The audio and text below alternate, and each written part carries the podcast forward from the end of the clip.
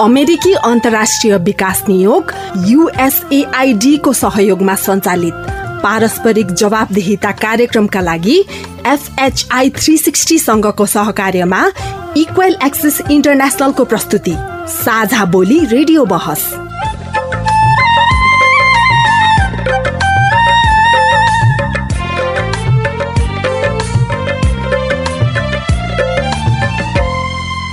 नमस्कार साझाबोली रेडियो बसमा तपाईँलाई स्वागत छ। म नरेन्द्र ढकाल।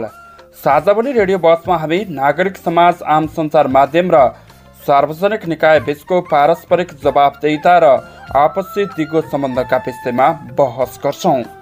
पारस्परिक जवाबदेहिताका क्षेत्रीय सवाल र परिवेश समेटेर तयार पारिएको साझाबोली रेडियो बहसको यो स्थानीय संस्करण हो।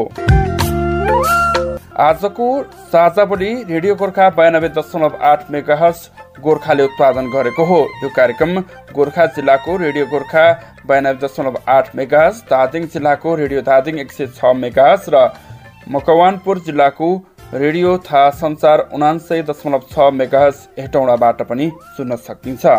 जवाबदेताको राष्ट्रिय सवालमा नीति र कार्यान्वयनको समन्वय गर्ने साझा बोली रेडियो बहसको केन्द्रीय संस्करण इक्वल एक्सेस इन्टरनेसनलले काठमाडौँमा उत्पादन गर्ने गर्छ। साझा बोलीका दुवै संस्करणहरू तपाईँले हरेक हप्ता एकै समयमा सुन्न सक्नुहुन्छ। साझावली रेडियो बहसको यो आठौं भाग हो। गत हप्ताको कार्यक्रममा कृषि उपज बजारीकरणमा स्थानीय तहको भूमिकाका विषयमा हामीले छलफल गरेका थियौँ। साझावली रेडियो बसको आजको भागमा हामीले बजेट कार्यान्वयनमा लक्षित वर्गको पहुँच र सहभागिताका विषयमा छलफल गर्दैछौँ। आजको छलफल तपाईँका लागि रोचक हुने हामीले विश्वास लिएका छौँ। कार्यक्रम अन्त्यसम्म सुन्दै गर्नुहोला। त्यो लक्ष्मीवर्गको बजेटहरूलाई बाटोमा हाल्ने हो कि होइन? खानेपानीकोमा हो कि शिक्षा स्वास्थ्य त्यतातिर चाहिँ राखेको अवस्था पनि छ गोर्खा जिल्लामा त्यस्तो पनि पाइन्छ। कार्यक्रममा तपाईँ सिधा प्रश्नको सिधा जवाब पनि सुन्न सक्नुहुन्छ। झन् सङ्घीयतापछि त झन् उनीहरू त्यो लक्षित वर्गलाई झन् धेरै चाहिँ सहयोग गरेर पनि झन् धेरै राम्राहरू कार्यक्रमहरू योभन्दा पनि अझ परिमार्जित ढङ्गको कार्यक्रम आउनुपर्ने। झन् त्यो कार्यक्रमै नआऊ कि हामीले थाहा पाऊ यो चाहिँ मेरो प्रश्न छ। लक्षित वर्गलाई किन सिधै बजेट दिन सकिँदैन? हामीले जुन सेक्टरमा बजेट छुट्याएको जस्तो महिलाको सेक्टरमा बजेट छुट्याएको भने महिलाहरूले आफै कार्यक्रम गर्ने हो त्यहाँ कसैले पनि अब त्यो हस्तक्षेपको कार्यक्रम चाहिँ हुँदैन। साझा बोली रेडियो बहस अमेरिकी अन्तर्राष्ट्रिय विकास नियोग युएसएआईडी मार्फत अमेरिकी जनताहरूको सहयोगका कारण सम्भव भएको हो। यस कार्यक्रमभित्रका विषयवस्तु र सामग्री पारस्परिक जवाबदेहिता कार्यक्रमका एकल जिम्मेवारी हुन्। र यहाँ प्रस्तुत भनाइले युएसएआईडी वा अमेरिकी सरकारको विचार प्रतिबिम्बित गर्छन् भन्ने जरुरी छैन। रेडियो कार्यक्रम साझा बोलीमा तपाईँलाई फेरि स्वागत छ। आजको कार्यक्रममा बजेट कार्यान्वयनमा लक्षित वर्गको पहुँच र सहभागिताका विषयमा कुराकानी गर्दैछौ। कुराकानीका लागि यतिखेर कार्यक्रममा उपस्थित भइसक्नु भएको छ। गोर्खाको पालुङटा नगरपालिकाकी उपप्रमुख पम्फा बसेल र अधिकार कर्मी एवं अधिवक्ता यादव शर्मा। यहाँहरू दुवैजनालाई कार्यक्रममा हार्दिक स्वागत छ। धन्यवाद। नेपालको संविधानले समावेशी चरित्रलाई आत्मसात गरेको छ। सोही अनुरूप समाजका सबै वर्ग क्षेत्र र समुदायका मानिसहरूले समान अवसर पाउने व्यवस्था गरिएको छ। अझ पछि परेका वर्ग क्षेत्र लिङ्ग र सम्प्रदायका मानिसहरूलाई विशेष अधिकार समेत दिने व्यवस्था गरिएको छ। तर सङ्घीयता कार्यान्वयन भएपछि अझै उक्त अधिकारहरू कटौती भएको महसुस सरकारवालाले गरेका छन्। विशेष गरी स्थानीय तहले बजेट कार्यान्वयन गराउँदा लक्षित समुदायलाई विशेष प्राथमिकता नदिएको उनीहरूको आरोप छ। सुरुमा एउटा सामग्री सुनौ अनि छलफल प्रारम्भ गर्नेछौँ। आजको छलफल तपाईँका लागि रुचिकर हुन सक्छ। कार्यक्रम अन्त्यसम्म सुन्दै गर्नुहोला। नमस्कार म परशुराम भट्ट। सङ्घीयतापछि चाहिँ जुन यो लक्षित वर्गलाई चाहिँ जुन छुट्याउने विनियोजन गर्ने बजेटहरूमा अलिकति चाहिँ विभेदकारीपूर्ण व्यवहार भएको छ जस्तो मलाई लाग्छ। किनभने पहिला पहिला पहिला पहिला चाहिँ जुन यो गाविसहरू हुँदाखेरि त्यो एमसिपिएम फेल हुने ए फेल हुने ऊ फेल हुने भने भएर चाहिँ त्यो गाविस सचिवहरूले त्यहाँ संयन्त्रमा बस्ने मान्छेहरूले चाहिँ प्रत्येक यो लक्षित वर्गका प्रतिनिधिहरूलाई फोन गरेर बोलाउने उ गर्ने सही गर्न लाउने प्रचलन थियो भने अहिले त्यस्तो चाहिँ छैन। कतिपय पालिकाहरूमा लक्षित वर्ग भनेर बजेट छुट्याउने र त्यो त्यो बजेटहरू अन्त्य रकमान्तर गर्ने रकमान्तर गरेर अनि त्यो जुन जनप्रतिनिधि अथवा कोहीको इन्ट्रेस्टमा चाहिँ आफ्नो चाहिँ क्षेत्र अधिकारभित्र त्यो प्रयोग गर्ने हो कि अथवा अब त्यो लक्ष्मीवर्गको बजेटहरूलाई बाटोमा हाल्ने हो कि होइन? खानेपानीकोमा हो कि शिक्षा स्वास्थ्य त्यतातिर चाहिँ राखेको अवस्था पनि छ गोर्खा जिल्लामा त्यस्तो पनि पाइन्छ होइन? अनि हामीले प्रश्न गर्दाखेरि त्यहाँ चाहिँ अब लक्ष्मीवर्ग सबै जान्छन् त्यहाँ डिसाबिलिटी जान्छन् त्यहाँ महिला जान्छन् त्यस्तो नागरिक जान्छन् अनि अल्पसङ्ख्यक जान्छन् भनेर उत्तर आइरहेको अवस्था पनि छ। जुन हामी लक्षित वर्ग भन्छौँ त्यो लक्षित वर्ग पनि देशको दोस्रो नागरिकको दर्जा होइन। अनि उनीहरू सबैलाई चाहिँ समान हकको अधिकार छ।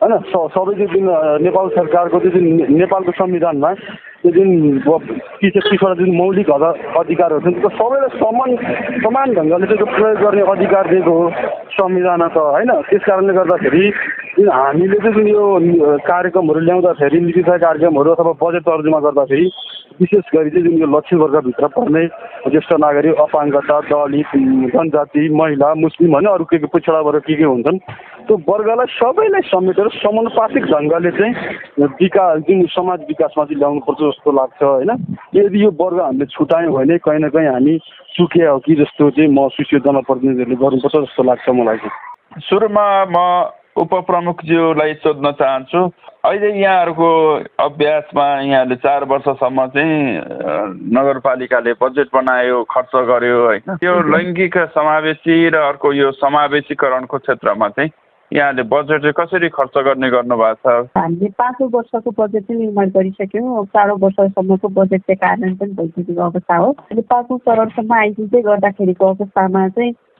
विशेष गरेर विगतको दिनहरूमा स्थानीय तह गठन गर्नु पूर्व चाहिँ एउटा बजेट निर्माणको क्रममा हरेक समावेशिताको हिसाबले चाहिँ प्रतिशतमा आधार बनाएर जुन जनसङ्ख्याको आधारमा चाहिँ प्रतिशतलाई चाहिँ विभाजन गरेर जुन बजेट निर्माण गर्ने कार्य भइराखेको थियो। र अहिले स्थानीय तह गठन भइसके पछाडि प्रतिशतभन्दा पनि हामीले चाहिँ कुन चाहिँ क्षेत्रलाई कुन चाहिँ समुदायलाई चाहिँ हामीले चाहिँ सम्बोधन गरेर प्राथमिकता दिएर हामीले अगाडि बढाउनु पर्छ भन्ने उद्देश्यको साथ स्थानीय तहहरूमा चाहिँ बजेट निर्माण हुने गरेको छ।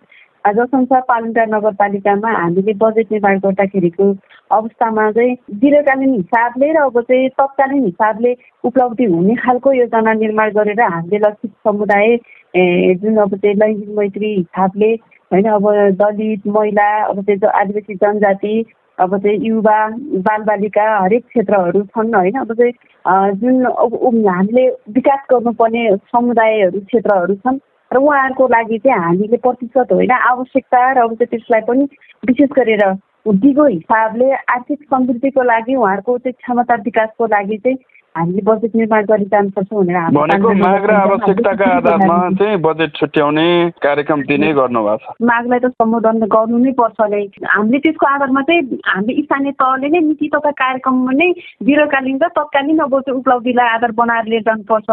भनेर हामीले त्यसरी चाहिँ दीर्घकालीन हिसाबले हामीले कतिपय अब चाहिँ सम्बोधन गर्नुपर्ने कुराहरू छन् होइन? जुन भौतिक संरचनाको निर्माणकोदेखि लिएर तालिमहरू र उहाँहरूलाई अनुदानको कार्यक्रमहरू समेत हामीले चाहिँ उहाँलाई सम्बोधन गरेर लिएर जानुपर्छ भनेर नीतिगत रूपबाट नै हामीले त्यसरी चाहिँ निर्माण गरेर अगाडि बढेका छौँ। अहिलेको मौजुदा संविधानले पनि पछाडि परेको क्षेत्रलाई माथि उठाउने भनेर जुन खालको विशेष व्यवस्था गर्नुपर्छ भन्ने खालको कुरा थियो। जुन अब जनसङ्घीयता आएपछि झन् त्यसले चाहिँ वृहत रूप लिन्छ भन्ने चाहिँ आम जो सरकारवाला स्टेक होल्डरहरू हुनुहुन्छ उहाँलाई रहेछ केही श्रोताका प्रश्नहरू पनि छन्। हामीसँग उहाँले चाहिँ पहिला जस्तो अहिले भएन भन्ने खालको छ। नमस्कार। मेरो नाम सुकबहादुर नेपाली। मेरो स्थायी ठेगाना चाहिँ गोर्खा जिल्ला अजिरकोट गाउँपालिका वडा नम्बर पाँच मुचोक कुसुन्डे। मेरो प्रश्न चाहिँ के छ भने यो संहिता कार्यान्वयन हुनुभन्दा पहिला चाहिँ जुन एउटा चाहिँ गाविस स्तरमा वडा स्तरमा चाहिँ समावेशी समानुपातिक ढङ्गले जुन बजेट विनियोजन हुन्थ्यो महिलालाई दस पर्सेन्ट बालबालिकालाई दस पर्सेन्ट दलित तथा जनजातिलाई पन्ध्र पर्सेन्ट। यदि बजेट चाहिँ विनियोजन नभएदेखि चाहिँ त्यो एमसी एमसी चाहिँ फेल हुन्छ भनेर चाहिँ जुन कार्यक्रमहरू आउँथ्यो त्यसले चाहिँ एकदमै चाहिँ महिला बालबालिका दलित तथा उत्पीडित उपेक्षित वर्गलाई चाहिँ एकदम चाहिँ राम्रो भएको थियो। तर अहिले चाहिँ त्यो सुन्न पाइँदैन र चाहिँ त्यो कार्यान्वयन भएको पनि देखिँदैन। त्यो हामीले थाहा नपाएर हो कि? त्यो चाहिँ कार्यक्रम नै बन्द गरेर हो। झन् सङ्घीयतापछि त झन् उनीहरू त्यो लक्षित वर्गलाई झन् धेरै चाहिँ सहयोग गरेर पनि झन् धेरै राम्राहरू कार्यक्रमहरू योभन्दा पनि अझ परिमार्जित ढङ्गको कार्यक्रम आउनुपर्ने। झन् त्यो कार्यक्रमै नआऊ कि हामीले थाहा नपाऊ यो चाहिँ मेरो प्रश्न छ।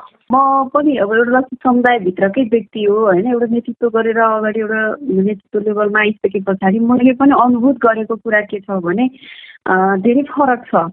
हिजोका दिनहरूमा लक्षित वर्गलाई छुट्याएको बजेटहरू एउटा औपचारिकतामा मात्रै अब चाहिँ सीमित रहेको थियो। जुन बजेट चाहिँ सम्बन्धित अब समुदायसम्म नपुगेको अवस्था थियो होइन? अहिले स्थानीय तह गठन गरिसके पछाडि हामीले प्रत्येक अब चाहिँ नगरपालिका गाउँपालिका वडा कार्यालय मार्फत हामीले जुन बजेट चाहिँ सम्बन्धित समुदायसम्म चाहिँ पुर्याउँदै गर्दाखेरिको अवस्थामा फेरि एउटा के हो भने सीमित बजेटले चाहिँ आम चाहिँ अब चाहिँ जुन अब समस्याहरू छन् ती सबै समस्यालाई सम्बोधन गर्न सक्ने स्थिति त छैन। तर पनि हामीले एक अर्कोलाई प्राथमिकीकरण गरेर सम्बोधन गर्दै जाँदाखेरिको अवस्थामा चाहिँ के देखिन्छ भने हामीले भएको स्रोतलाई चाहिँ हामीले त्यसरी चाहिँ जनशक्तिलाई परिचालन गरेर हाम्रो कार्यान्वयनमा लिएर गइरहेका छौँ। मलाई लाग्छ लक्षित समुदायको हामीले सोचे अनुसारको विकास गराउन सकेको अवस्था चाहिँ छैन होइन? हामीले के देखिरहेका छौँ भने अझै पनि हाम्रो समुदायमा विकास भनेको चाहिँ पूर्वाधार निर्माण मात्रै विकास हो भन्ने खालको चाहिँ सोचाइ छ अझै हाम्रो समुदायमा। त्यो स्थानीय तहले अझै पनि त्यो चिन्न सकेको अवस्था चाहिँ छैन त्यो हामीले स्वीकार्नुपर्छ। तर के हो भने विकास हुनको लागि चाहिँ समावेशिताको त्यसलाई विकास गराउनको लागि समावेशीकरण गराएर लिएर जानको लागि चाहिँ पहिला सुशासनको विकास हुनुपर्छ। सुशासनमा चाहिँ जुन लक्षित समुदायहरू छन् लैङ्गिक मैत्री बजेट निर्माणको कुराहरू छन् समावेशीको हिसाबले सबै हिसाबले लिएर जानको लागि चाहिँ विशेष गरेर स्थानीय तहले जुन अहिले कार्य गरिरहेको छ त्यो कार्य चाहिँ मलाई लाग्छ अहिलेको जुन स्थानीय तहमा आवधिक योजना बनाउने क्रममा होइन अब हामीले सबै सर्वेक्षणहरू गरिरहेका छौँ होइन। कति चाहिँ प्रतिशत महिलाहरू हुन्छ त्यसमा पनि साक्षर निराशरको कुराहरू छन्। होइन अब त्यसमा पनि पेसामा आबद्ध भएको र पेसामा आबद्ध नभएको हरेक कुराहरू हामीले गरेछौँ त्यसै अब चाहिँ दलित समुदाय त्यसै आदिवासी जनजातिहरू हुनुहुन्छ होइन? आदिवासी जनजातिभित्र पनि अब चाहिँ पछाडि परेका अब चाहिँ समुदायहरू हुनुहुन्छ। हरेक अब चाहिँ हामीले हरेक क्षेत्रलाई वर्गीकरण गरेर हामीले स्थानीय तहमा बजेट निर्माण गरेका छौँ। हामीले त्यसरी सम्बोधन गरेर लिएर गइरहेका छौँ। त्यो कारणले मलाई लाग्छ जुन बाहिर जुन अब अब चाहिँ विश्लेषणहरू भइरहेका छन्। मलाई अब चाहिँ जो औपचारिकतामा कार्यक्रम भएन भन्ने खालको हिसाबले मात्रै बढी अब सताइमा प्रश्नहरू उठेका छन् भन्ने लाग्छ कि सरले उहाँको कुरा सुनिहाल्नुभयो उपप्रमुखज्यूको अब हाम्रो संविधानले हाम्रो कानुनले एउटा समावेशितालाई एउटा खालको अधिकारको रूपमा नै व्याख्या गरेको छ। के हुनुपर्छ? अहिले भइरहेको अभ्यासलाई कसरी हेर्नु भएको छ यहाँले हाम्रो मुलुक सङ्घीयतामा गइसकेपछि एउटा तिन तहको चाहिँ सरकार छ एउटा सङ्घीय छ अर्को प्रदेश छ अर्को हाम्रो स्थानीय छ। नगरपालिका अथवा गाउँपालिका हामी जसलाई स्थानीय तह भनेका छौँ आफैमा त्यो चाहिँ नि सर्वाधिकार सम्पन्न चाहिँ नै स्थानीय सरकार हो। भलै चाहिँ नि सङ्घीयताको टोटल अभ्यासमा फुल अथोरिटी चाहिँ नि उपयोग गर्न नपाएको अवस्था साँचो नै होला अब उहाँहरूले गर्न नपाएको कुरा तर हामीले चाहिँ संवैधानिक हिसाबमा र एउटा राष्ट्रको नीतिको हिसाबमा कसरी हेर्नु पर्यो भने संविधानले यो सरकार मानेको छ यसलाई। र सरकारको काम के हो भन्दाखेरि नेपालको संविधान अथवा अरू कानुनहरूमा र नीतिहरूमा भएका कुराहरूलाई आफ्नो स्रोत साधनको आधारमा इम्प्लिमेन्टेसन त्यसलाई कार्यान्वयन गर्दै जाने। अब जहाँसम्म चाहिँ नि समावेशिताको कुरा छ त्यो समावेशितालाई चाहिँ हाम्रो कानुन संविधान र नीतिले रिफ्लेक्ट कसरी गरेका छ भने जो समावेशिता के का लागि त भन्दाखेरि जो पछाडि पारिएका छन् चाहे सांस्कृतिक रूपमा होला चाहे आर्थिक रूपमा होला चाहे सामाजिक रूपमा होला कुनै पनि हिसाबले अथवा चाहिँ शारीरिक रूपमा पनि जस्तो अपाङ्गता भएका व्यक्तिहरू चाहिँ छन्। भने उनीहरूलाई चाहिँ नि उनीहरू आफ्नो क्षमता र आफ्नो उसले चाहिँ अरू सरह समाज र अरू व्यक्ति सरह पुग्न सकेका छैनन् भने त्यस्ता वर्गका लागि एउटा छुट्टै अघि उपमेयरज्यूले त भन्नुभयो कि हामी एउटा त्यसको आवश्यकताको आधारमा चाहिँ भन्नुभयो तर त्यो वर्गलाई आवश्यकता चाहिँ कुन कुन कार्यक्रममा कुन कुन चाहिँ लाइनमा उहाँहरूलाई अपलिफ्ट गर्नलाई हामीले टिपिकल चाहिँ कति बजेट चाहिँ अहिले यो वर्षमा आगममा झन आगममा कसरी चाहिँ नि कुन स्तरसम्म पुर्याउने भन्ने एउटा नीति हुन्छ उहाँहरूको। त्यो नीतिलाई बिस्तारै कार्यान्वयन गर्दै लगेपछि त्यहाँ चाहिँ नि आवश्यकता भन्ने कुरो देखिहालिएको छ। आवश्यकताको पहिचान त उहाँहरूले गरिसक्नु भएको छ। त्यस कारणले यो समावेशिता भन्नासाथ हामी सामाजिक न्यायसँग जोडिन्छ। त्यस कारणले त्यो वर्गको सामाजिक न्यायलाई एड्रेस हुने गरेर के हो खास सामाजिक न्याय भने जो पछाडि पारिएका र परेका पारिएका पनि हुन सक्छन् सामाजिक रूपमा आर्थिक रूपमा पढेका पनि हुन सक्छन्। त्यो वर्गलाई अरू सरह चाहिँ नि अवसरमा चाहिँ नि अलिकति चाहिँ समानता गर्ने क्या उनीहरूको अवसरमा समानता ल्याउने कुरा चाहिँ सामाजिक न्याय हो। त्यस कारण सामाजिक न्यायको लागि र संविधानमा भएको मौलिक हकको चाहिँ कानुनको लागि स्थानीय सरकार तह पनि भनिदिनु त स्थानीय सरकार हो। त्यस कारणले आफ्नो स्रोत साधन त आफ्नो सीमित हुन्छ। त्यसको आधारमा सामाजिक न्याय अर्थात् उनीहरूको अवसरको समानतालाई सम्बोधन हुने गरेर टक्क टक्क चाहिँ बजेट उनीहरूकै फिल्डमा छुटिनुपर्छ भन्ने चाहिँ मेरो आशय र मेरो बुझाइ। उपप्रमुखज्यू ठ्याक्कै अब उहाँले भने जस्तो ट्याक्क ट्याक्क पर्सेन्टमै बजेट छुट्याउन चाहिँ के समस्या छ? पर्सेन्टेजको हिसाबले नै हामी अब जुन हामीले हाम्रो पालिकामा भएको जुन समुदायहरू हुन्छ होइन अघि अब यादव सरले भन्नुभयो जस्तै गरेर समावेशिताको क्षेत्रभित्र पर्ने र समावेशीकरण गरेर लिएर जानुपर्ने जुन क्षेत्र र समुदायहरूलाई हामीले प्रतिशतको आधारमा त हामीले प्रतिशतको आधारमा नै सम्बोधन गर्छौँ होइन? तर प्रतिशतको आधारमा सम्बोधन गर्दै गर्दाखेरिको अवस्थामा चाहिँ जस्तै अहिलेको परिवेशमा हेऱ्यो भने अझै पनि हाम्रो समुदायमा जातीय विभेद चाहिँ छुवाछुत विभेद अझै पनि छ होइन? कायमै छ। त्यो चाहे अब चाहिँ त्यो ब्रोमाट समुदायभित्र होस् चाहे अब चाहिँ त्यो ब्रोमाट समुदायबाट अब चाहिँ होइन? अब दलित समुदायभित्र होस् चाहे अब चाहिँ आदिवासी जनजातिभित्र पनि अब फरक फरक समुदायभित्र होस् त्यो एक आपसमा भित्रभित्र अब चाहिँ जाति विभेद त छ नै तर त्यो विभेदलाई हामीले कसरी उन्मूलन गरेर चाहिँ कसरी अन्त्य गर्न सक्ने त भन्ने खालको कार्यक्रम बनाउनको लागि त हामीले प्रतिशतमा छुट्याएर चाहिँ त्यसले पुग्दैन होइन? हामीले त्यसलाई कार्यक्रमको आवश्यकतालाई पहिचान गर्नुपर्छ। त्यो कार्यक्रम हामीले पहिचान गर्न सकेर अब त्यसलाई बजेट चाहिँ निर्धारण गर्न सक्यौँ त्यसलाई बजेट निर्धारण गर्नको लागि पनि हाम्रो स्रोत चाहिँ कति धान्न सक्छ कति पुर्याउन सकिन्छ होइन? सबै कुरालाई सम्बोधन गरेर जानको लागि पनि हामीले त्यसलाई चाहिँ प्रतिशत भन्नाले हिजोको जस्तै विगतको दिनको जस्तै प्रतिशतमा चाहिँ सीमित नराखौँ होइन? त्यसलाई हामीले चाहिँ विशेष अब चाहिँ प्राथमिकता राखेर चाहिँ सम्बोधन गरेर लिएर जाउँ भन्ने हो। अब छुट्याइएका बजेट पनि अब महिला नै हिँड्ने बाटो हो अथवा दलित हिँड्ने बाटो हो भनेर बाटोमै खर्च गरिदिने अरू पूर्वाधार विकासका कामहरूमा खर्च गरिदिने उहाँहरूको क्षमता विकासका काममा उहाँहरूको जनजीविकाको क्षेत्रमा चाहिँ कम पैसा खर्च गर्ने गरेको आरोप लाग्छ यहाँलाई। हो यता कता होला होइन? तर अहिले चाहिँ महिलाको शीर्षकमा छुट्याएको बजेट चाहिँ अब चाहिँ बाटोमा खर्च गर्ने अब चाहिँ अरू शीर्षकमा खर्च गर्ने भन्ने चाहिँ छैन। किनभने अहिलेको चाहिँ नीति कस्तो खालको छ भने हामीले अब चाहिँ बजेट निर्माण गरिसके पछाडि नेपाल सरकारले एउटा विधि बनाइदिएको छ। त्यो जुन विधि चाहिँ हामीले जुन शीर्षकमा बजेट छुट्याउँछौँ त्यही शीर्षकको बजेट चाहिँ त्यही सूत्रमा हालेर अनि त्यसमा कार्यान्वयन गर्नुपर्ने हुन्छ होइन? जस्तै महिलाको सामुदायिक भवन बनाउनु छ भने महिलाको यो फलानु महिला समूहको चाहिँ सामुदायिक भवन निर्माण यति बजेट होइन? र त्यस्तै अब चाहिँ हामीले महिलाहरूको जस्तै फलानु महिला समूहको चाहिँ कृषि कार्य जस्तै तरकारी खेतीको लागि चाहिँ यति बजेट होइन पशुपालनको लागि यति बजेट भनेर हामीले त्यसरी छुट्याएका छौँ। होइन? त्यसरी छुट्याउनु पर्छ नीतिगत रूपबाट कि हामीले महिलाको चाहिँ के अरे के भन्छ भने तरकारी खेतीको लागि अथवा चाहिँ चाहिँ मूलक तालिम सञ्चालनको लागि भनेर छुट्याएको बजेट चाहिँ यो महिलाले नै हुन्छ हो भनेर बाटोमा खर्च गर्ने पानी धारा चाहिँ पानीको अब चाहिँ निर्माण गर्ने खानेपानीको निर्माण गर्ने होइन? भवन छुट्टै भवन बनाउने भन्ने त्यस्तो खालको चाहिँ अहिलेको नीति छैन। नीतिले पनि हामीलाई चाहिँ एउटा खालको चाहिँ उसमा चाहिँ सम्बोधन के अरे हामीलाई चाहिँ बाँधेर लिएर गएको छ। कानुनले बाँधेर लिएर गएको छ। हामीले त्यही कानुनमै टेकेर चाहिँ अब चाहिँ हामीलाई चाहिँ के भन्छ त्यो पीडित समुदायहरूलाई लक्षित समुदायहरूको चाहिँ कार्यक्रमलाई योजनालाई चाहिँ कार्यान्वयन गरेर लिएर जाने स्थितिमा हामी अगाडि बढिरहेका छौँ। कि त्यही सँगसँगै के छ भने अहिले अधिकांश अब चाहिँ स्थानीय तहहरूमा चाहिँ आवधिक योजना निर्माण भएको छ। जुन आवधिक योजना निर्माण नभएका पालिकाहरू छन् ती पालिकाहरूमा चाहिँ अहिले प्रदेश सरकारले पनि नीति तथा योजना आयोगबाटै त्यसको लागि सहजीकरण गरिरहेको अवस्था छ। किनकि त्यो योजनाभित्र त्यो आवधिक योजनाभित्र चाहिँ सबै क्षेत्रलाई चाहिँ सम्बोधन गरिरहेको छ समेटिरहेको छ नीतिगत रूपबाट। र त्यही नीतिगतलाई नै आधार मानेर चाहिँ हामीले के छ त भने अब त्यही बस्ती समुदायलाई चाहिँ सम्बोधन गरेर समावेशिताको आधारमा अगाडि बढाउनुपर्छ। अघि आएर सरले भन्नुभएको जस्तै गरेर जस्तै हाम्रो समुदायमा पछाडि पारेको समुदायहरू जुन समुदायहरू छन् होइन त्यो समुदायहरूलाई हामीले चाहिँ नीति तथा स्थानीय त सरकारकै अब चाहिँ नीति तथा कार्यक्रममा नै हामीले चाहिँ सम्बोधन गरेर जानुपर्छ भनेर हामीले अगाडि बढाएको छौँ। जस्तै हाम्रो पाल्पा नगरपालिकामा अहिले चाहिँ छुवाछुत मुक्त अब चाहिँ टोल अब चाहिँ वडा हामीले घोषणा गर्नुपर्छ त्यसको लागि तयारी गर्नुपर्छ भनेर नीतिगत कार्यक्रममा हामीले सम्बोधन गरेर लिएर गएका छौँ होइन? अब त्यसको लागि हामीले अहिले बजेटिङ सम्बोधन गरेर कति कुन कार्यक्रम मार्फत चाहिँ हामीले त्यो अब चाहिँ छुवाछुत मुक्त अब चाहिँ गाउँ बनाउने त भनेर हामीले त्यो शीर्षकमै हामीले बजेट छुट्यायो भने त्यो शीर्षकमा छुट्याएको बजेट चाहिँ छुट्टै अर्को शीर्षकमा चाहिँ कार्यान्वयन गर्न पाइँदैन।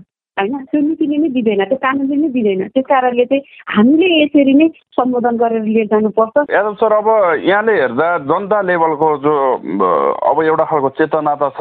अहिले चाहिँ मेरो अधिकार हो मैले चाहिँ माग्नुपर्छ म अगाडि बढ्नु पर्छ सरकारकै ढोका ढकढकाउन जाने अवस्था चाहिँ कस्तो छ? स्थानीय सरकार आफैले चाहिँ नै आफ्नो क्षेत्रको चाहिँ नै सबै सहरी गर्नुपर्छ नै भन्छ वास्तवमा अहिलेको नीति र कार्यक्रमले। आफ्नो चाहिँ क्षेत्रमा दलित कति छन् जनजाति कति छन् आदिवासी कति छन् अरू कति छन् बाटोको अवस्था के छ स्कुलको अवस्था के छ चेतनाको इभन चाहिँ चेतना र चाहिँ त्यहाँको चाहिँ सामाजिक मूल्य मान्यताको अवस्था चाहिँ के छ सोचाइको अवस्था के छ अघि उपप्रमुखजीले भन्नुभयो सोचाइ हो त्यो त नेपालैभरि छ। त्यस कारणले त्यसका लागि पनि कग्नेटिभ लाइनबाट चेतनाको लाइनबाट हामीले के गर्ने त भन्दाखेरि सरकारले त्यो कुरा ल्याउने नै हो यो। अब किनभने साधन स्रोत सम्पन्न छैन स्थानीय सरकार त्यो बेग्लै कुरा हो पनि जति साधन स्रोत छन् त्यतिकाबाट चाहिँ पहिलो दायित्व र जिम्मेवारी ल्याउनु पर्यो पहिलो कुरा।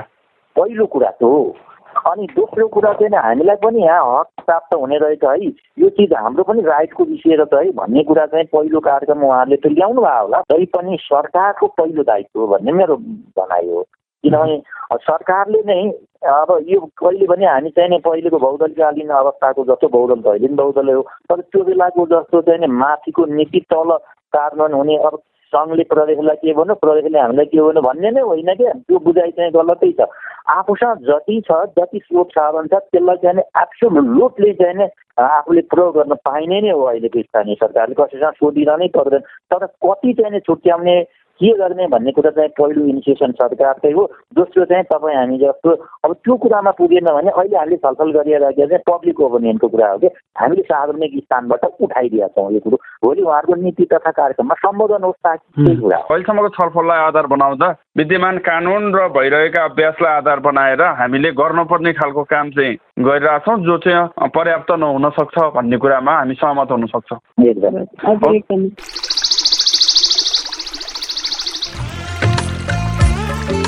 प्रश्न परिवर्तनको सुरुवात हो। जवाफ रूपान्तरणको आधार हो।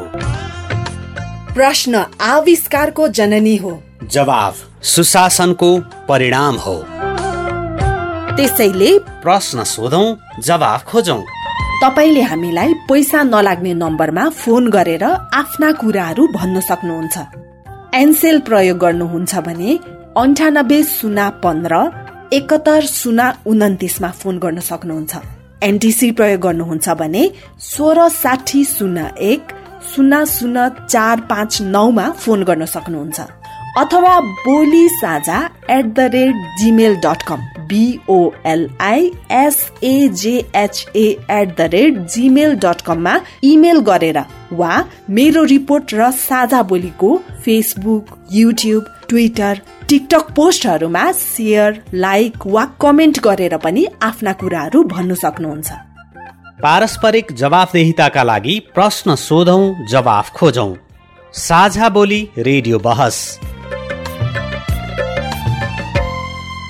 तपाईँ अहिले पारस्परिक जवाबदेता प्रबन्धनका लागि साझावली रेडियो बहस सुन्दै हुनुहुन्छ। हामी कुराकानी गरिरहेका छौँ। बजेट कार्यान्वयनमा लक्षित वर्गको पहुँच र सहभागिताका विषयमा कुराकानीका लागि हामीसँग हुनुहुन्छ गोर्खाको पालङटार नगरपालिकाकी उपप्रमुख पम्फा बस्तेल र अधिकार कर्मी एवं अधिवक्ता यादव शर्मा। ठ्याक्कै हाम्रो उद्देश्य भनेको सबै त तब्काका मान्छे अथवा सबै क्षेत्रका मान्छेलाई चाहिँ राज्यको मूल प्रवाहमा प्रभावीकरण गराउनु भन्ने नै हो। यो गर्नलाई चाहिँ अब कानुनका जटिलताहरू छन् बजेटका लिमिटेसनहरू छन् सबै कुराहरू छन्। ठ्याक्कै अहिले चाहिँ के गर्दाखेरि चाहिँ उहाँलाई चाहिँ अझै समावेशीकरणको माथिल्लो तहमा लैजान सकिन्छ भन्ने लाग्छ? म यो यादव सरलाई सोध्न चाहन्छु। समावेशिता चाहिँ नै संविधानको प्रस्तावनामा नै राखेर मूल चरित्रको रूपमा चाहिँ हाम्रो राज्य व्यवस्था चाहिँ कस्तो हुनेछ पोलिटिकल सिस्टम कस्तो हुनेछ र हाम्रो इकोनोमिक सिस्टम चाहिँ आर्थिक प्रणाली चाहिँ कस्तो हुनेछ त भन्दाखेरि समावेशिता हुनेछ भनेर आइसकेपछि समावेशी चरित्र हाम्रो मूल प्रधान चाहिँ हो संविधानको चाहिँ अब प्र्याक्टिसमा चाहिने के छ भन्ने कुरा अघि कुरा गरियो। अब यसको समस्या चाहिने त छ भने समाधान के हो त भन्दाखेरि अघि तपाईँले अलिकति कोट्याइसक्नु भएको छ कि अब हाम्रो संविधान बदलियो हाम्रा चाहिने राजनैतिक व्यवस्था बदलिए तर एउटा पाटो चाहिँ के छ भने ठक्कै आरोप लाउन त मिल्दैन। अब त्यो राज्यको अर्को लाइन एजेन्सी भन्छौँ हामी त्यति भन्दाखेरि होला नत्र फेरि मैले विरोध गरेको अर्थ लाग्ला। कि त्यो चाहिँ परम्परागत छ क्या एउटा पाटो चाहिँ। कि हाम्रा चाहिँ त्यो विषयका चाहिँ ऐन कानुनहरू अहिले चाहिँ यो समावेशिता र स्थानीय सरकारलाई भनौँ न काम गर्न सजिलो पाराको चाहिँ छैन। नीति र कार्यक्रम अहिलेको संविधानको मूल चरित्र अनुकूलकै आइसकेका छैन। अब उहाँहरूले चाहिँ आफ्नो स्थानीय सरकारको मात्र बनाउनु भयो होला।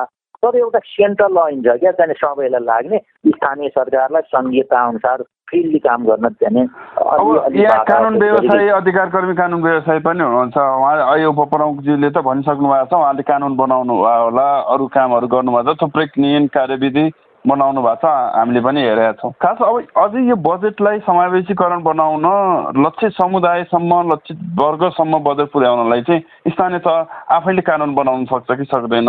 आफूलाई आवश्यक पर्ने जनतालाई चाहिने खालको कानुन चाहिँ स्थानीय तहले बनाउन सक्छ कि सक्दैन? कानुन चाहिँ बनाउन सक्छ तर चाहिँ के छ भने अहिलेसम्म पनि ठ्याक्कै सङ्घीयता भनेर हाम्रो अमेरिकी सङ्घीयता जस्तो छैन कि अमेरिकामा चाहिँ दोहोरै कानुन हुन्छ। सङ्घले आफ्नो चाहिँ राज्य अथवा स्थानीयले ठक्कै आफूलाई चाहिने कानुन बनाउँछन् त्यहाँ प्रयोगमा देखिन्छ त्यस्तो अभ्यासमा। तर हाम्रो चाहिँ के छ भन्दाखेरि स्थानीयले बनाएको कानुन चाहिँ नि प्रदेशसँग बाजिन नहुने प्रदेशले बनाएको सङ्घसँग बाजिन नहुने स्थानीयले बनाएको पनि सङ्घसँग बाजिन नहुने भन्ने छ। त्यसमै मात्रै स्पेसिफिक हुँदाखेरि चाहिँ छुट्याउने त्यसलाई अलोकेसन भन्छौँ नि बजेटको डिस्ट्रिब्युसन आइन अलोकेसन गर्ने मामलामा चाहिँ यो सेक्टरलाई हाम्रो यति यो सेक्टरलाई यति यो हाम्रो नीति र कार्यक्रम यो हो यो नीति र कार्यक्रमको आधारमा हामीले चाहिँ यति चाहिँ नै अलोकेट गरेका छौँ छुट्टिया छौँ भन्न चाहिँ त सकिन्छ। त्यो विषयमा चाहिँ सकिन्छ।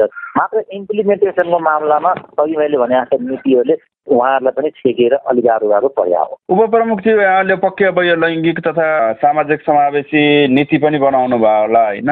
कसरी कसरी छ? अब त्यो बनाउन बनाएर यहाँलाई काम गर्न सजिलो त पक्कै हुन्छ होला अथवा बनाइसक्नु भयो होला अथवा बनाउने योजनामा हुनु होला के छ? हामीले बनाएका छौँ कार्यविधि बनाएर नै सुरुदेखि नै कार्यान्वयनको पाटोमा हामी अगाडि बढेका छौँ होइन? समावेशताको कुरालाई हेर्ने हो भने हामीले जुन कार्यविधि बनाएको छौँ त्यो कार्यविधिलाई केही अप्ठ्याराहरू केही चुनौतीहरू छन् जुनलाई कार्यान्वयन गरेर लिएर जानको लागि। त्यसका लागि त्यसको हिसाबले हामीले कार्यविधि त बनायौँ होइन? कार्यविधि बनाएर लिएर जान त लिएर अगाडि त बढेका छौँ। तर पनि अब हामीले चुनौतीहरूलाई सामना नगरिकन चाहिँ अब उपलब्धि त हासिल गर्न सक्दैनौँ। त्यस कारणले त्यसले केही सजिलो चाहिँ बनाएको छ हामीलाई। होइन? तर केही अप्ठ्याराहरूलाई हामी जस्तै सङ्घ सरकार र प्रदेश सरकारले बनाएको त्यो चाहिँ जुन प्रदेश सरकारले पनि बनाएर पठाएको छ होइन हामीलाई? र प्रदेश सरकारले बनाएर पठाए तापनि हाम्रो स्थानीय तहको स्थानीय सरकारको चाहिँ के देखिन्छ भने ठ्याक्कै त्योभन्दा यहाँको आवश्यकता अलिक फरक हो कि होइन? त्यो किनभने हाम्रो विभिन्न पालिकाहरूकोलाई समेटेर बनाएको प्रदेश सरकारले बनाएको त्यो कार्यविधि चाहिँ किसान हाम्रो पालिका नगरपालिकालाई न सबैमा चाहिँ म्याच नहुन सक्छ त्यस कारणले हामीले बनाएका छौँ।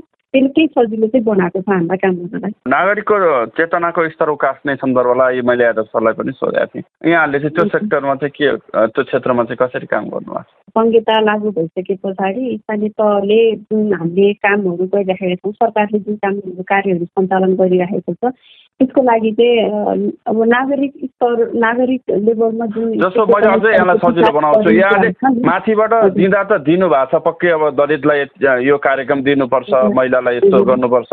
ठ्याक्कै मलाई चाहिँ अब यो का कार्यक्रम चाहिँ चाहियो। यसले चाहिँ म चाहिँ मेरो वर्ग मेरो क्षेत्रको चाहिँ उत्थान हुन्छ। म चाहिँ यो काम गरेर मेरो जीवनमाथि उकास्न सक्छु भन्ने नागरिक तयार बनाउनु त हाम्रो जिम्मेवारी कर्तव्य हो।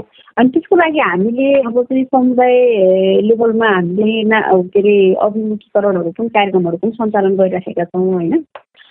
त्यो सँगसँगै हाम्रो सार्वजनिक सुनाइ कार्यक्रमहरू पनि हुन्छन्। जुन कार्यक्रम हामीले जुन कार्यक्रमहरू गरिरहेका छौँ यति कार्यक्रम छ यति कार्यक्रम गर्न बाँकी छ यो नीति बनाएका छौँ यो नीति अनुसार यति कार्यक्रमहरू गरिराखेका छौँ भन्ने कुरा जुन हामीले सार्वजनिक सुनाइ वडा स्तरदेखि लिएर नगर स्तरीय होइन अब त्यही सामाजिक सञ्जाल मार्फत चाहिँ हामीले गरिराखेका छौँ होइन।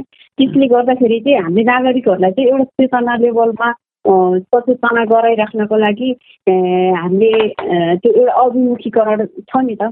त्यो अभिमुखीकरण चाहिँ हामीले गराउ कार्यक्रम चाहिँ रेगुलर प्रत्येक वार्षिक रूपबाट यो विशेष गरेर न्यायिक समिति मार्फत चाहिँ हामीले कार्यक्रमहरू सञ्चालन गर्दै लिएर आएका छौँ त्यो हामीले गर्न सक्छौँ। एउटा कार्यविधि एउटा विधिमा राखेर मैले सुरुमा भने सुशासनको विकास भएन भने अब यो देशले जतिसुकै अब ठुलो पूर्वाधारहरू जति राम्रो सक्षम पूर्वाधारहरू निर्माण गरे पनि सुशासन नै छैन भनेदेखि चाहिँ त्यसले कुनै औचित्यता दिँदैन। त्यस कारणले सुशासनलाई नै विकास गराउनु पर्छ त्यो हिसाबले चाहिँ सुशासनको क्षेत्रमा नै हामीले सम्बोधन गरेर लिएर जानुपर्छ भन्ने हिसाबले त्यो खालको कार्यक्रम जुन अब चाहिँ एउटा समुदाय लेभलसम्म जाने खालको कार्यक्रमहरू चाहिँ हामीले बनाउनुपर्छ। नगरपालिकाले हाम्रो पालिका नगरपालिकाले चाहिँ अहिले पछिल्लो चरणमा कोभिड सुरु भयो। त्यस कारणले हामीले कार्यक्रम केन्द्रित कार्यक्रम गर्न सकेनौँ। नत्र भने हामीले जनतासँग जनप्रतिनिधि कार्यक्रम भनेर चाहिँ हामीले सञ्चालन गर्दै आइरहेका छौँ। सर अब यहाँ अधिकार कर्मी पनि हुनुहुन्छ अधिकारका क्षेत्रमा पनि वकालत गरिराख्नुहुन्छ। ठ्याक्कै अब तपाईँको पनि जिम्मेवारी रह्यो। म एउटा सञ्चारकर्मी मेरो पनि जिम्मेवारी। उहाँ एउटा राजनीतिक कर्मी अथवा सरकार सञ्चालन गरिराख्नु भएको छ उहाँको पनि जिम्मेवारी। हामीले दिएर मात्रै जनताको उत्थान हुन्छ कि उहाँहरूलाई माग्न सक्ने चाहिँ कसरी बनाउने? जस्तो स्थानीय सरकारहरूले अब हाम्रो भूमिका कुरा त म गर्छु। स्थानीय सरकारहरूले अहिले पम्फाजीले भन्नुभयो हामीले कार्यविधि बनाएका छौँ मेरो भनाइ त के हो भने कार्यविधि भने कसरी जाने भनेर प्रक्रियाको कुरा हो। कि आफैले ऐन बनाउन पाइन्छ आफैले कानुन र नीति बनाउन पाइन्छ भनेपछि त्यो विषयमा छुट्टै नीति र कानुन किन नबनाउने? अनि पो आफूले बनाएको नीति र चाहिँ कानुनको आधारमा फेरि प्रक्रिया बनाउने हो। यो त अहिले हामीले प्रक्रिया मात्रै बनायौँ तर हामीसँग आफ्नो एब्सुलेट चाहिँ इन्डिपेन्डेन्ट चाहिँ नीति र कानुन भएन भन्ने मेरो भनाइ हो।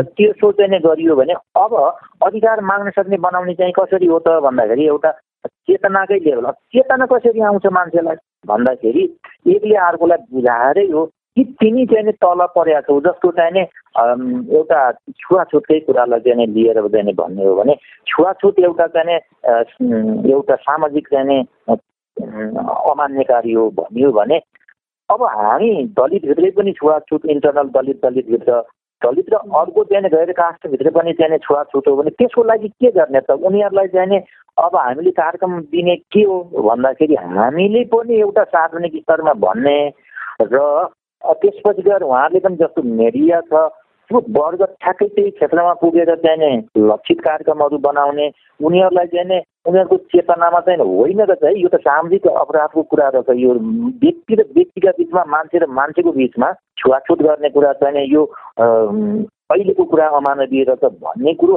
जागरण गराउनु जागरण भइसकेको छ तर मान्छे किन गरिरहेछ? भन्दाखेरि त्यहाँ अझै केही चाहिँ सोसल अवयवहरू चाहिँ छन्। त्यसका जराहरू काट्ने खालका नीतिहरू चाहिँ आउनु पऱ्यो हामीले त अब तपाईँ मेरो म एउटा सोसल इन्जिनियरिङको रूपमा चाहिँ छौँ भने तपाईँ मिडियाबाट यो कुरो गरिरहनु भएको छ? म आफ्नो पेसा र चाहिँ मेरो उबाट चाहिँ यो कुरा सामाजिक चाहिँ असामाजिक कुरा हो है। यो सामाजिक बनाउनु पर्छ हामीले भन्ने गर्दछौँ। अब यो कुरा चाहिँ हाम्रो क्षेत्रैभित्र पर्छ। हामी पनि एउटा स्टेक होल्डरै हौँ। अब उहाँहरू चाहिँ सरकारकै मान्छे भए हुनाले मैले फेरि जोडेँ। प्रपर आफ्नै नीति र आफ्नै कार्यक्रम बनाएपछि बल्ल कार्यविधि चाहिँ त्यो हो क्या कार्यविधि भने यहाँ त प्रक्रिया हो नि प्रोसेस कसरी जाने? भने अहिले त हामी माथिले बनाइदिएको कुरा प्रक्रिया गयौँ। हामीले आफ्नो कानुन चाहिँ नै जस्तो मानेल्यौँ छुवाछुत र लैङ्गिक विवेकताको विषयमा पनि हामीले चाहिँ आफूलाई लाग्ने गरेर कानुन बनाउन सक्छौँ नि त। भन्ने मेरो चाहिँ नै भनाइ हो। अलिकति के प्रक्रियागत समस्याहरू छन् केन्द्रकै कानुनमा अथवा मूल संविधानका गति निर्देशिकाहरूमा अथवा कानुनी प्रक्रियाहरूमा हामी अलिकति अल्झिनुपर्ने बाध्यता छ। कानुनी र व्यावहारिक रूपमा दुइटै कुरालाई चाहिँ समाधान गरेर अगाडि बढ्न सकियो भने हामीले जुन वर्ग समुदाय क्षेत्रलाई माथि उठाउन खोजेका छौँ उनीहरूलाई चाहिँ बढी अधिकार दिन सकिन्छ माथि ल्याउन सकिन्छ भन्ने कुरामा हामी सहमत हुन सक्छौँ। तपाईँ अहिले पारस्परिक जवाबदेता प्रबन्धनका लागि साझावली रेडियो बहस सुन्दै हुनुहुन्छ। हामी कुराकानी गरिरहेका छौँ। बजेट कार्यान्वयनमा लक्षित वर्गको पहुँच र सहभागिताका विषयमा कुराकानीका लागि हामीसँग हुनुहुन्छ गोर्खाको पालङटार नगरपालिकाकी उपप्रमुख पम्फा बस्तिल र अधिकार कर्मी एवं अधिवक्ता यादव शर्मा। अहिलेको व्यवस्था अनुसार लक्षित वर्गको लागि पहिले जस्तो शर्त र सीमा तोकिएको छैन। यसको अर्थ उनीहरूलाई पछि छुट्याउनु पर्दैन भन्ने होइन। उनीहरूलाई त झनै बढी अधिकार दिनुपर्ने हो तर भएको छैन किन? निचोडमा पुग्नेछौँ साझाबडी रेडियो बस सुन्दै गर्नुहोला।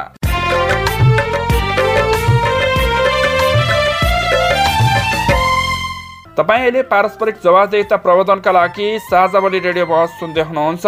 हामी कुराकानी गरिरहेका छौँ।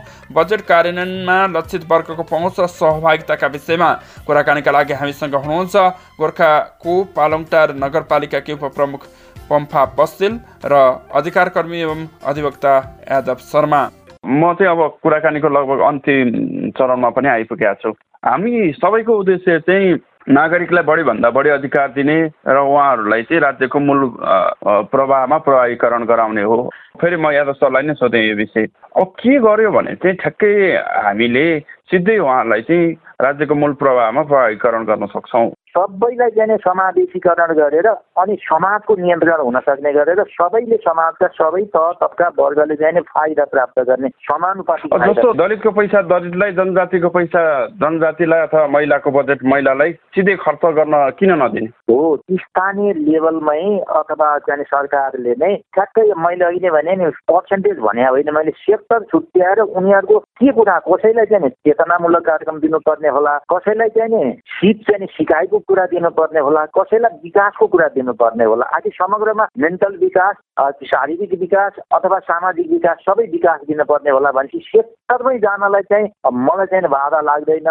त्यसरी नै उहाँहरूले चाहिँ नि अर्थात् उहाँहरू भनेको स्थानीय सरकारले चाहिँ बजेट छुट्याउनलाई र चाहिँ अलोकेसन गर्नलाई नीतिमै पार्नलाई गाह्रो जस्तो चाहिँ मलाई लाग्छ भनेको नीति बनाउनु पर्यो। पहिलो कुरा चाहिँ नीति बनाउनु पर्यो नीति बनाएपछि किनभने हरेक कुराको गाइडेन्स त चाहिँ नीति र कानुनले हो नि। समाजको आवश्यकता के हो भनेपछि त्यहाँबाट मागहरू उहाँहरू उहाँहरू समक्ष त आउँछ नि।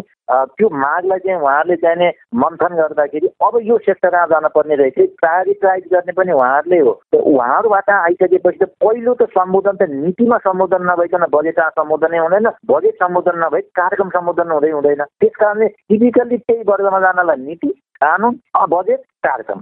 यसरी जाँदाखेरि त बाधा त म चाहिँ देख्दिनँ।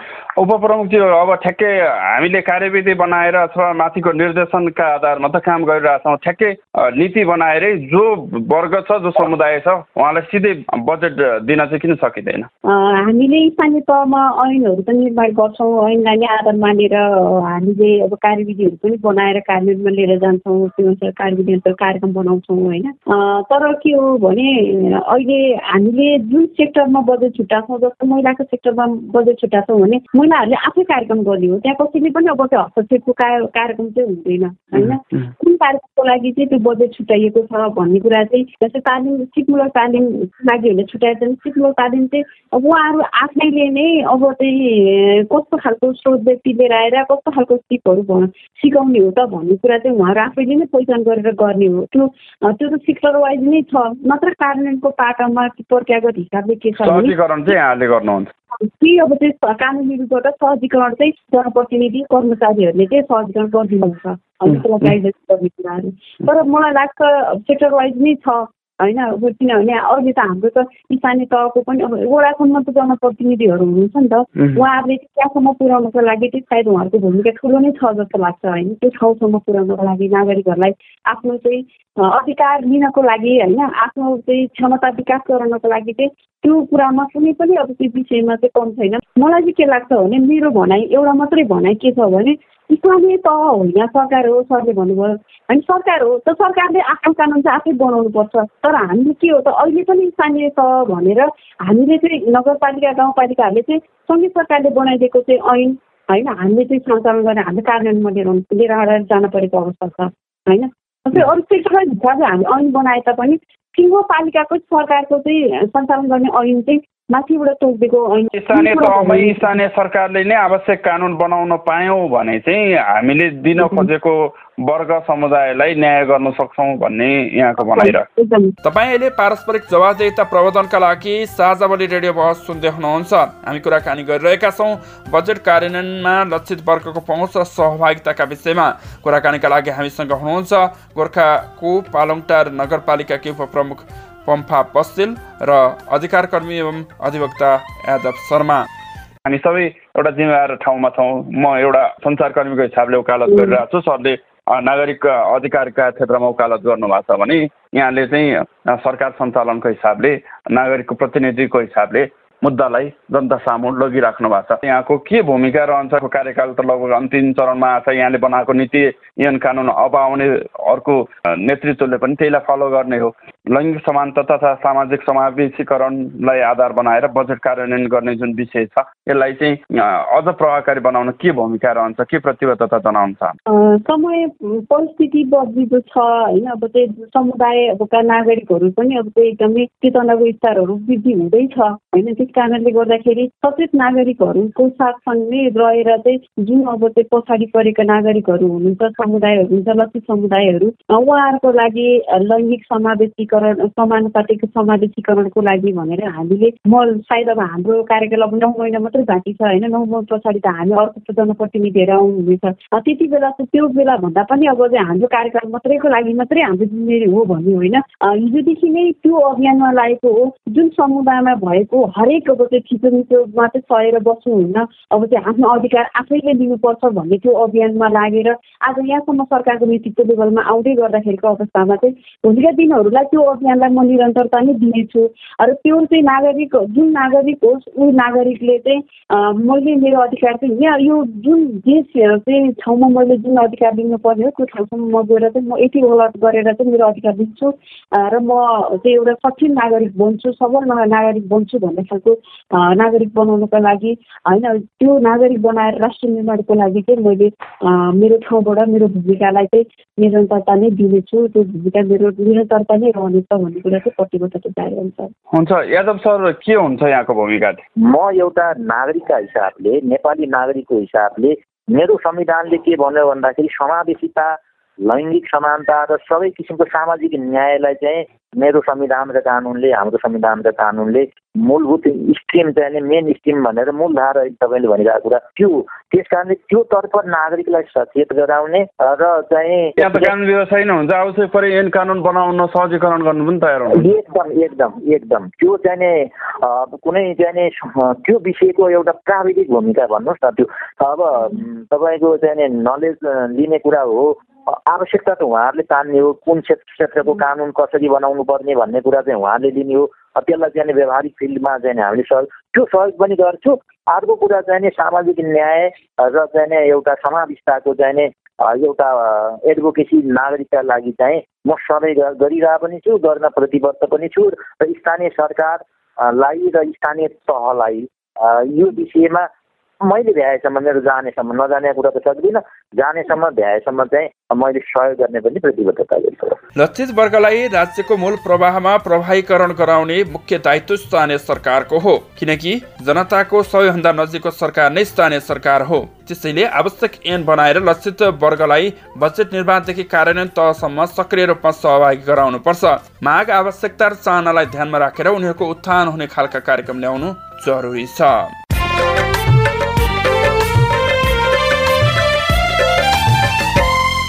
हामी साझाबली रेडियो बहसको अन्त्यमा आइपुगेका छौँ। साझाबली रेडियो बहसका बारेमा मनका कुरा भन्नका लागि एनटिसी मोबाइल वा ल्यान्डलाइन फोन प्रयोग गर्नुहुन्छ भने सोह्र साठी शून्य एक शून्य शून्य चार पाँच नौमा फोन गर्न सक्नुहुनेछ। एनसेल प्रयोग गर्नुहुन्छ भने अन्ठानब्बे शून्य पन्ध्र एकात्तर शून्य उन्तिसमा फोन गर्नुहोला। यी नम्बरमा फोन गरेको पैसा लाग्दैन प्राप्त निर्देशन अनुसार प्रश्न सोध्न सकिनेछ।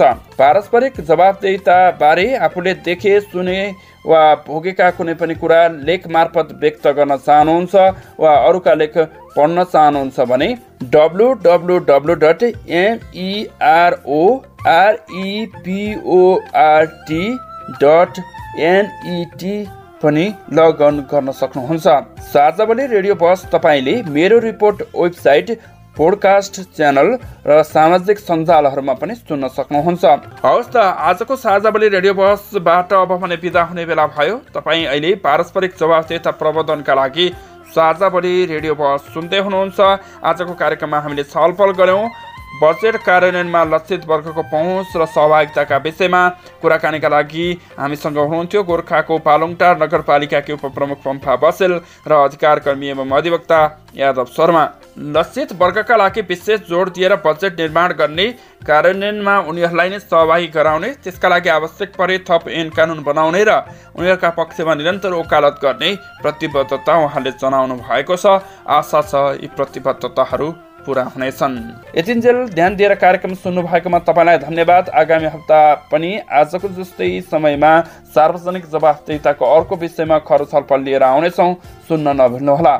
कार्यक्रम उत्पादनमा सहयोग गर्नुहुने गोर्खाकी सामुदायिक सञ्चारकर्मी कमला थापा र दार्जिलिङकी सामुदायिक सञ्चारकर्मी सरिता श्रेष्ठलाई धन्यवाद दिँदै आजको कार्यक्रमबाट म नरेन्द्र ढकाल पनि बिदा भएँ। नमस्कार।